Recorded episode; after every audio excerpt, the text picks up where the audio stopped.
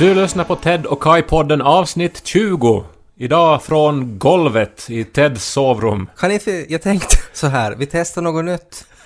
Det är ofta så här med teater, när man har gjort samma sak väldigt länge så ska man ju testa sådär att den här gången så ska du, så ska det kännas som du har ont i foten i föreställningen och så påverkar det hela föreställningen. Ja, Så nu tänker jag att idag så sitter vi på golvet. Det är lite indiskt, lite tusen och en natt, sitter på kuddar. lite Bibeln tycker jag också. Alltså något av det mest fascinerande med, med det här att de åt då, alltså Jesus och lärjungarna, var ju att de låg till bords. Så att jag ville alltid också att vi skulle ligga till bords.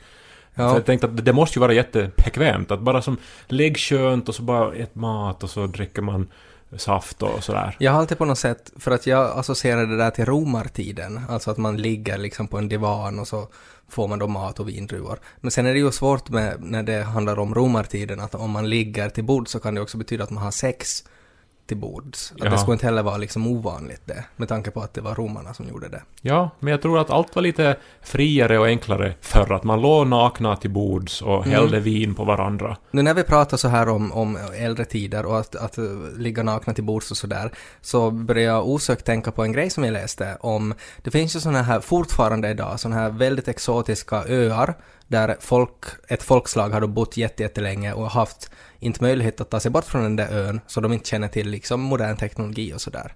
Um, nu kommer jag inte ihåg exakt vad den här folkslaget heter, men en grej som de ofta gjorde när människor, moderna människor kom dit för att filma dem var att de började ha orgier eh, på stranden där. Att först försökte de skjuta dem med pilar och försökte mörda dem och sen efter en stund så började de ha orgier.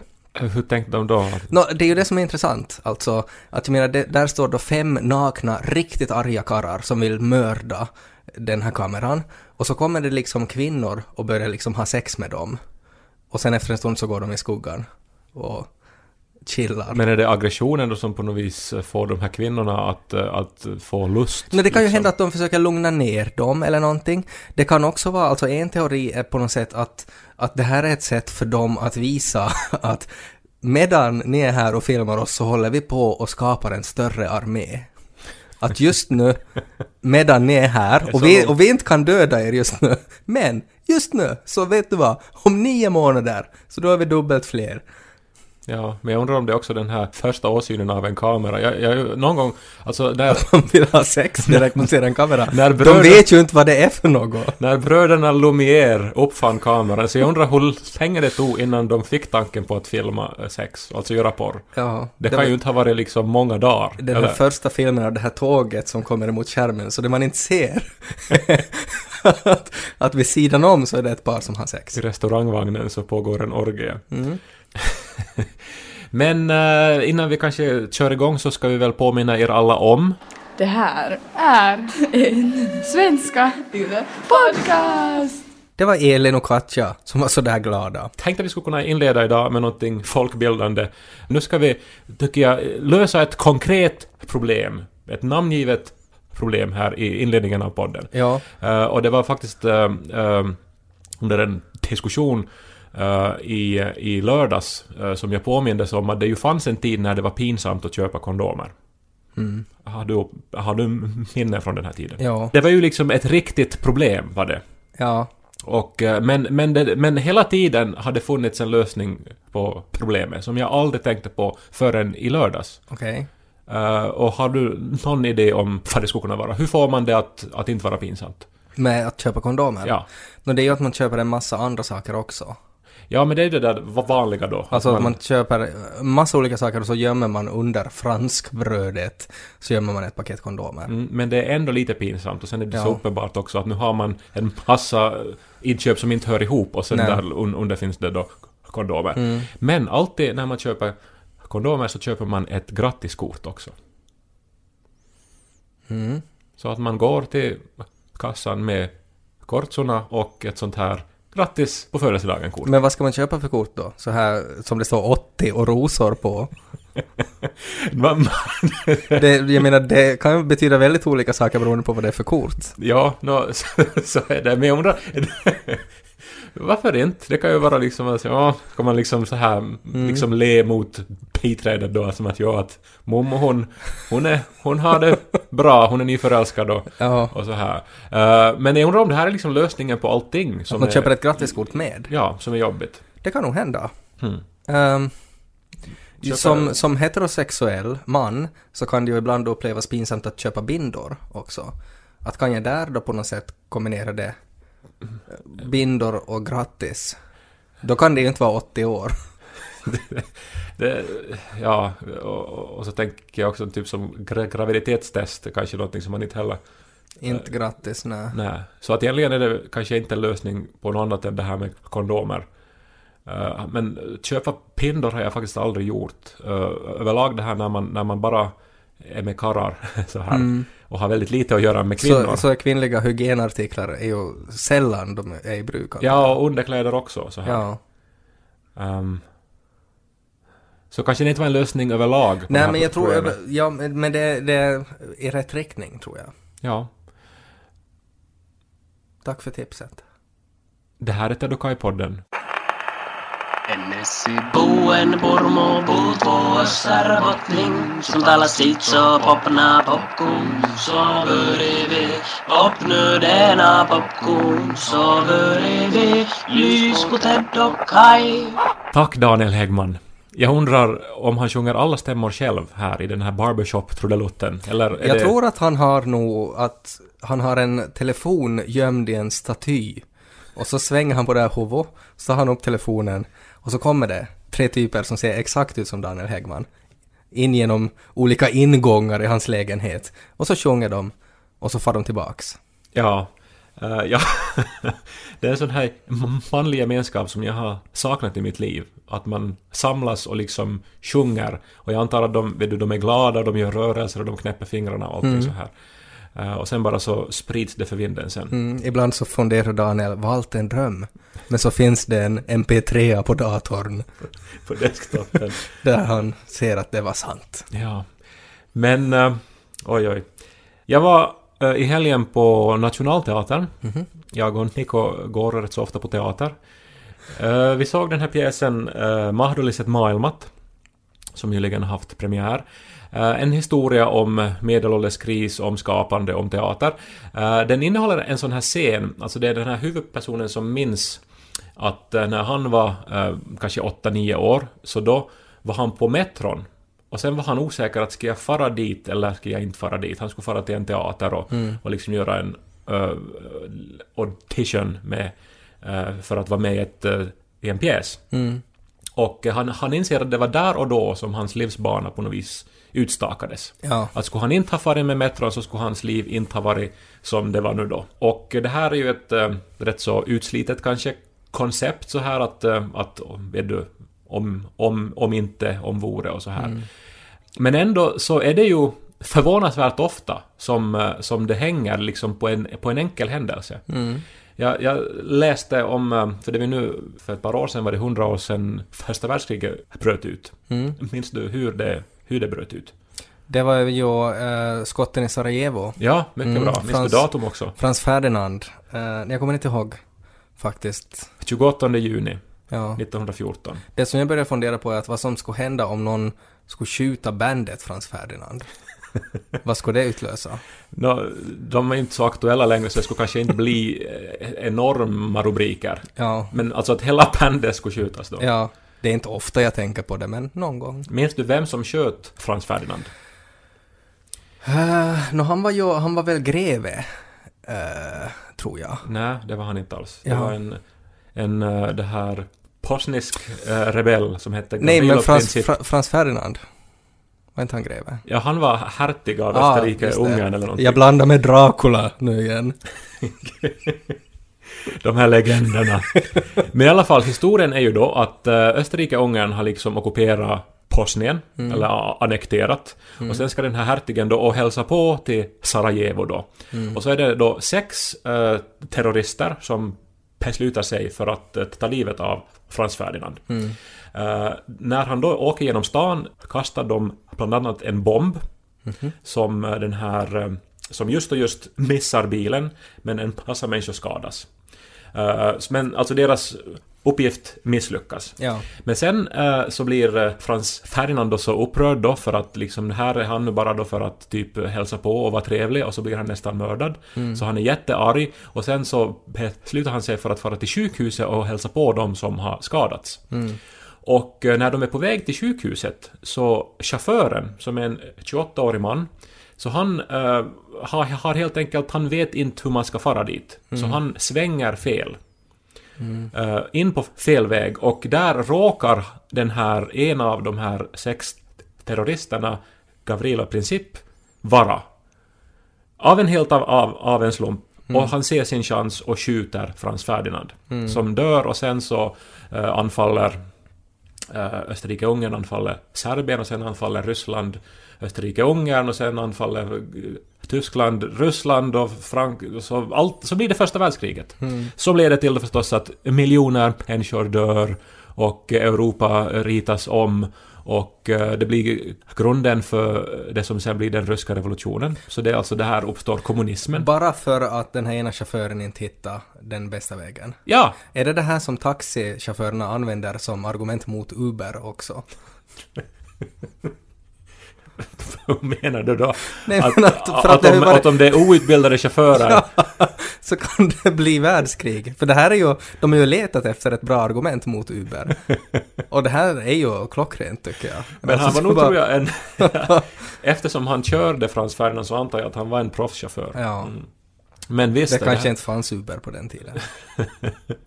Men är det inte ändå otroligt Ja, fascinerande? alltså det är ju jättefascinerande. Samtidigt hade ju två sidor det där, för att man kan ju alltid också tänka att var det liksom den här ena typen som orsakade, eller var det att det här det var så mycket som hände från alla håll så att det här var oundvikligt att det skulle hända, det bara råkade sig just då med den här ena personen.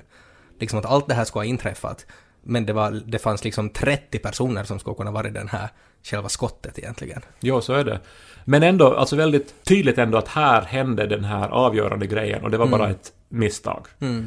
Eh, det finns ju inom kvantfysiken finns det ju intressanta teorier om det här också. Att, eh, inte om just den händelsen, men överlag över händelser, att, att hela tiden så det här eh, är det massa olika vägar som livet och verkligheten kan ta. Mm, det är som i Donnie Darko. Ja, där så var det väl Var det han inte där såg att in i man såg, och- man såg liksom sådär att man såg så här eh, versioner av alla personer som går liksom att här är jag som går genom en dörr men att där ser man också en version av mig som inte går genom den dörren utan sätter sig ner i soffan. Och grejen är att eh, om kvantmekaniken stämmer, och idag finns det ingenting som, som tyder på att den inte skulle stämma, så är det här faktiskt verklighet. Att eh, det existerar ett oändligt antal universum där precis allting som kan hända eh, eller skulle ha kunnat hända, har hänt och händer. Att där finns liksom eh, en massa universum där Frans Ferdinand inte blir skjuten, där det inte blir ett första världskrig, där det inte uppstår kommunism och, och, och eller ja, Det finns alltså ett universum där Lordis Rocktaurant eh, går med vinst varje år i Rovaniemi. det finns ett sånt universum enligt kvantmekaniken. Och Det är nog det enda som kan rädda Lordi där.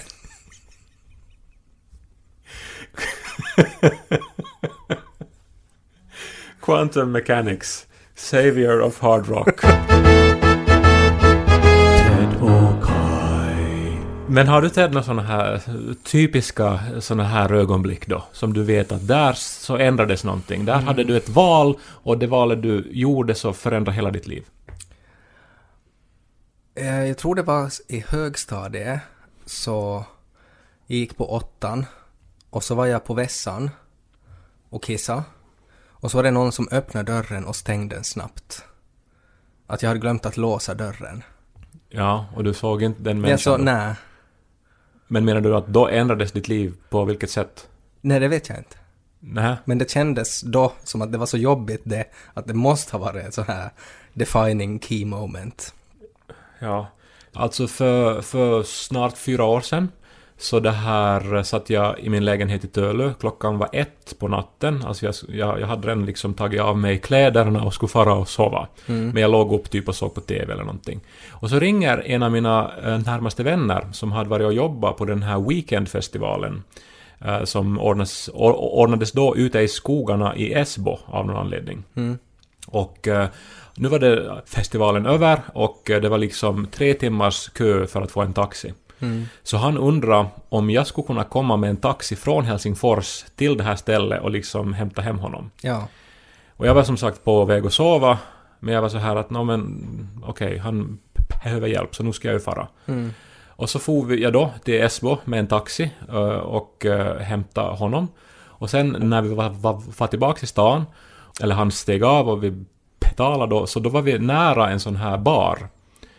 Och eh, så hade jag idén, för, för att jag hade då igen efter den här resan och efter vårt samtal blivit lite pigg. Mm. Klockan var eh, tre, så det var liksom ett, en halvtimme kvar till, till Valomerki. Mm. Men att jag hade den här idén att hej, om vi skulle få ta ett glas. Och min vän var så här då att nej, att han orkar han har arbetat liksom hela, hela, hela dagen och han, han vill bara få sova. Mm. Men så av någon anledning så bara tjatade jag, men vi får ta e- ett glas bara. Hej, ett glas.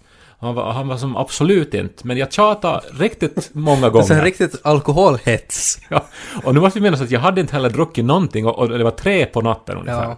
Eh, Men till sist går han då med på att vi får och tar ett glas. Mm. Och sen är det inträde. 9 euro. Oj, Och som sagt, bara en halvtimme till Valomerki. det var jättedumt. Ja, det är jättedumt att fara dit till det. Mm. Och, eh, och jag menar, jag, jag var inte på väg ut alls. Ja.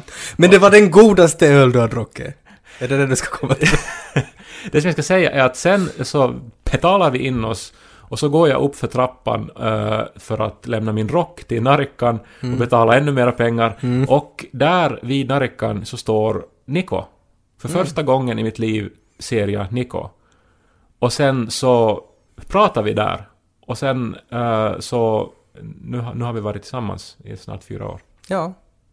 Men, Och- men det där är ju väldigt konkret. Alltså ett förhållande är ju det som på något vis mest gr- grundläggande förändrar ens liv ändå. Mm. Så det är ju som klart att man just kommer att tänka som på Ja. sådana ögonblick. Men jag har undrat, eh, och och den där pjäsen då fick mig att undra att varför vi så kan fixera oss vid de här valen. För att ofta är det inte så där tydligt utan det är ju att i efterhand har vi kanske konstruerat att det var så där tydligt. Men, Mm. men att det egentligen är det just då, det var ju nog en massa saker som liksom hände innan det som, som drog en till det här ögonblicket och som Ja. pekar ut en viss riktning. Men jag undrar om det, det har att göra på något vis att man, att, att, att vi idag är liksom så marinerade med berättelser. Att vi liksom på något vis automatiskt letar efter vändpunkter och liksom efter intrig och efter på något vis storylines också i vårt eget liv. Eller så det liksom så att vi... Att det här att vi ser sådana här händelser så ger oss också en känsla av kontroll på något vis. Att vi, har, att vi kan konstatera att ja, jag, jag, jag gjorde ett medvetet val. Jag tog kontroll över mitt liv och det ledde till det här. När det handlar om positiva saker så är det en skön känsla av bekräftelse då att man har gjort rätt. Om man vänder det till det att man har tagit kontrollen själv. Jag tog kontrollen att göra det där beslutet som ledde till den här positiva saken. Tror vi att den här okända människan i Sursik som öppnade dörren och fick se din nakna reve för en liten stund, Mm, att hens liv ändrades av den händelsen? det tror jag nog.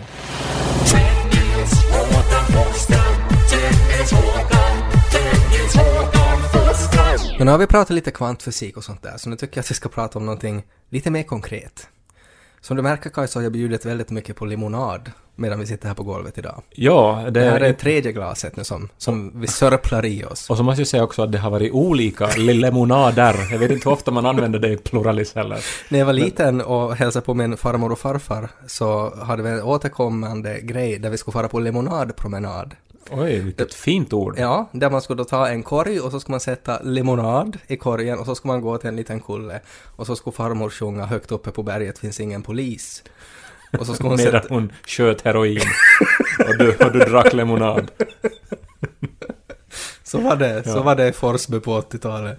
Eh, nej men så, uh, Eh, och också en sån här väldigt barngrej, att jag tvingade henne att, att, liksom att, att mitt namn skulle förekomma i sången.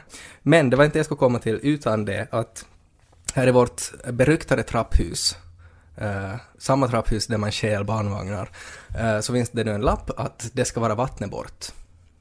Och det här betyder ju medför ganska många problem när man har ett litet spädbarn, för det behövs ganska mycket vatten. Det är rumpor som ska tvättas, det är ersättning som ska kokas, etc. Men oftast är det ju bara typ en timme som Mellan Fatme 9 är och avstängt. 15. Ja, det, det är för mycket det. Det är för mycket. Och eh, jag har då försökt, jag kommer ju att vara på jobb då, men min sambo kommer att vara hemma med barnet. Och för att underlätta hennes varande den dagen så har jag tänkt att okej, men då ska jag se till att, det, att vi har liksom mycket vatten då i kylskåpet så att hon kan bara liksom hälla ut det som behövs. Uh, och så bestämde jag mig att jag skulle gå till butiken och köpa riktigt mycket lemonad som jag sen dricker upp och så fyller jag de här flaskorna med vatten. Och när jag sen kommer hem så var ju det första som Janika sa var att men Ted, varför köpte du inte vatten? Men det var nog det första jag tänkte nu också. Ja, att, att, men jag tycker jag, jag, att- jag såg inte det här logiska... Men var, var, vad är det då som händer i min hjärna? Är det för att, är det här någon sån här manlighetsgrej? Någon sån här heterosexuell dumhet? Att jag är så här, ja jag måste ha flaskorna, ja jag köper limsat då. Och så dricker jag upp det. Är det någon sån här... Jag vet inte vad det är. Nej, jag vet inte vad, här- jag, vad ska jag skylla på? Alltså det är ju det jag är ute efter. Du ska skylla på pormo. Eh, det är ju... Det gör jag ofta. Oftast är det ju så. Nej, men nu, men nu var det ju så, inte skulle det ju någonsin ha hänt att man skulle ha köpt vatten Nej, men för det var ju det. när, Nej, man var, när man var liten. Det var det som fanns liksom i min hjärna. Det fanns inte en möjlighet att jag skulle faktiskt kunna köpa drickvatten. Nej. Du måste bara, du måste bara dricka det här limsan. Så jag förstår att när du tänkte att nu ska jag ha en flaska så går du dina tankar rakt till limsaflaskor. Ja, men det är ju så dumt. Och det känns också som att jag som förälder då, så kan inte göra sådana här dumma grejer något mer. Att jag borde vara liksom smartare än det. Plus att det känns ju också att det är så ofta i mitt förhållande som jag är den här som gör de här dumma grejerna. Och så är Janika den där som påpekar att men Ted, tröjan är ju fel väg. Eller någonting. Dricker Janika limsa överhuvudtaget? inte överhuvudtaget. Nej, så att det, det, vill ju nog att du också var sugen på limsa. Jo, alltså det, det är många faktorer som bidrog till det där. Jag var ju jättetörstig när jag for till affären och tänkte att ja, ja, men det här, nu slår jag två flugor i en smäll. Men jag har ju druckit så jättemycket limonad nu, jag är ju så trött på det. Men det finns Plus ett, att jag kan inte heller, nu skyller jag igen på pormo, jag kan inte hälla ut det. Men så allt måste drickas upp idag nu då? Ja, det är idag det ska. Och det är orsaken till att vi nu då sörplar Japp. den tredje sortens lemonad. Och Jag tänker det är lättare att man växlar mellan sorterna än att du kör en flaska i taget. det finns ju ett parallelluniversum där du sen köpte vatten också, det vet du. Just det. Där du är en ansvarstagande och tänkande förälder. Kairi,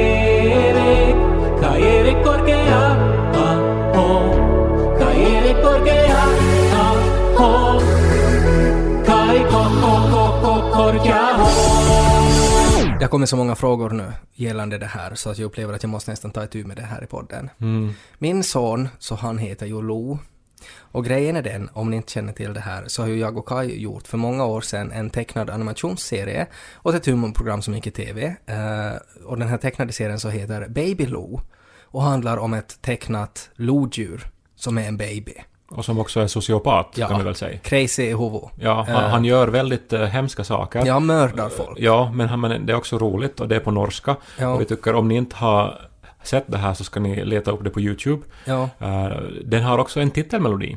Och den här titelmelodin är så... Ja, kan, kan inte vi lyssna på den här titelmelodin? Det blir så värelo Fast man icke är så stor Kan man leke och vara göj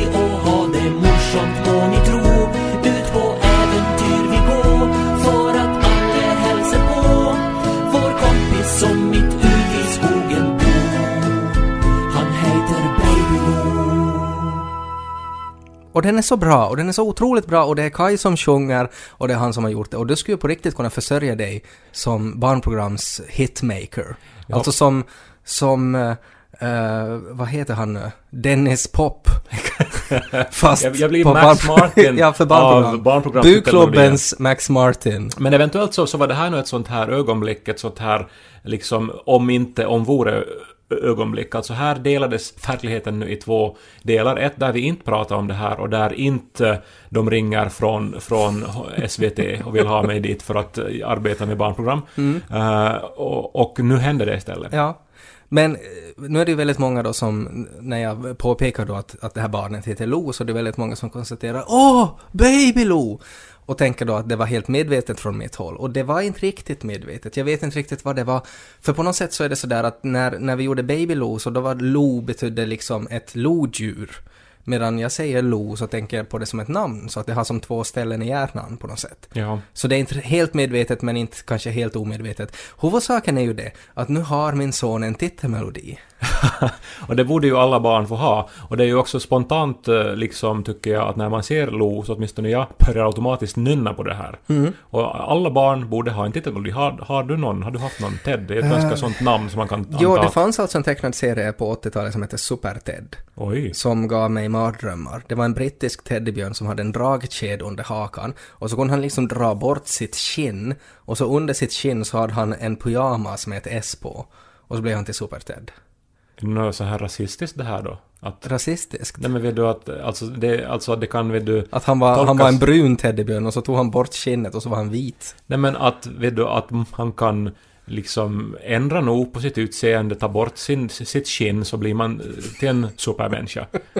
Eller jag vet inte. Det var Leni Riefenstahl Productions som gjorde Super-Ted. Men hade den där eh, serien då en titelmelodi där de sjöng Super Ted, Super Ted eller Nej, så här jag då? tror inte det. Jag har inte något minne av det i alla fall. Men det var ju inte, det var ju inte en bra serie. Men jag kommer inte på någonting där man skulle liksom ha sjungit Ted sådär. Ja, jag har ju en hel humorgrupp ja. Ja, det är sant. Ja. Du får bara välja det. Ja, vil- vilken, vilken låt som helst. En riktigt skojig grej som hände häromdagen är ju också att jag och Kai kom ut med beskedet att vi ska göra en humorshow till hösten. Ja, Pleppo 2. Det här är någonting som vi har vetat om ganska länge och vi har suttit och skrivit ganska mycket manus och vi har träffats ofta för att polla idéer och vi har ju varit väldigt ivriga. Men vi har inte kunnat prata om det förrän nu. Men nu är det officiellt att i november så blir det premiär för Pleppo 2 på Vasa Teaters stora scen. Det är jätteroligt. Eh, och imorgon faktiskt så kan ni redan börja köpa biljetter till det här. Imorgon klockan 12 släpps biljetterna till, till höstens föreställningar. Och det är ju alltså fem år sedan, fyra, fem år sedan, jag minns inte ens när det var, som vi gjorde Pleppo Live. Och eh, jag personligen så har liksom, tror jag, ända efter sista föreställningen så har jag velat stå på scen igen. Så att eh, jag ser hemskt mycket fram emot det, Det här. ska bli jätte, jätteroligt. Och vi, vi lovar ju att det kommer att vara jättekul. Ja, en uh, humorbaby som nu om nio månader ska födas till världen. Den är så hemsk den här bilden. Eh, jag vet inte om ni har sett den här, men att det finns alltså då en tillhörande promobild till den här teatern där jag håller i en baby som har Kais face på sig. Ja, fast inte vet jag, hemskt. Den är väl det bästa av två världar, att man tar mitt eh, vackra ansikte och sätter det på, en, på ett litet barns lena, oförstörda, gulliga kropp. Mardrömsscenario. Skräckface till babyn. Ja, men det kommer att bli jättekul och jag ser så fram emot att, att vara i Vasa i höst och jag tror att den här showen kommer att bli jätterolig. Ja. Och eh, vi kanske avslutar med dessa ord. Eh, det har varit trevligt Ted, att sitta här på golvet och dricka lemonader. Ja, det finns mera Ja, att det dricka. tvivlar jag inte på. Ja, Det är säkert orsaker ännu att skåla några glas här vi, för ska, vi, vi ska skåla en hel del. Och eh, vi kan ju säga till, till, till allihopa att, eh, att ni minns väl att, att världen och livet pågår dag efter dag. Och de flesta dagar känns väldigt ospektakulära och eh, likadana som alla andra dagar. Men man vet först i efterhand vilka dagar som det händer nå- någonting som sen förändrade ens liv och förde in det på en ny riktning. Och eh, sen en dag så kanske man ser tillbaks och tänker att ja, varför blev det så här nu då? Det var då den där dagen när jag lyssnade på Ted och Kai-podden. Mm.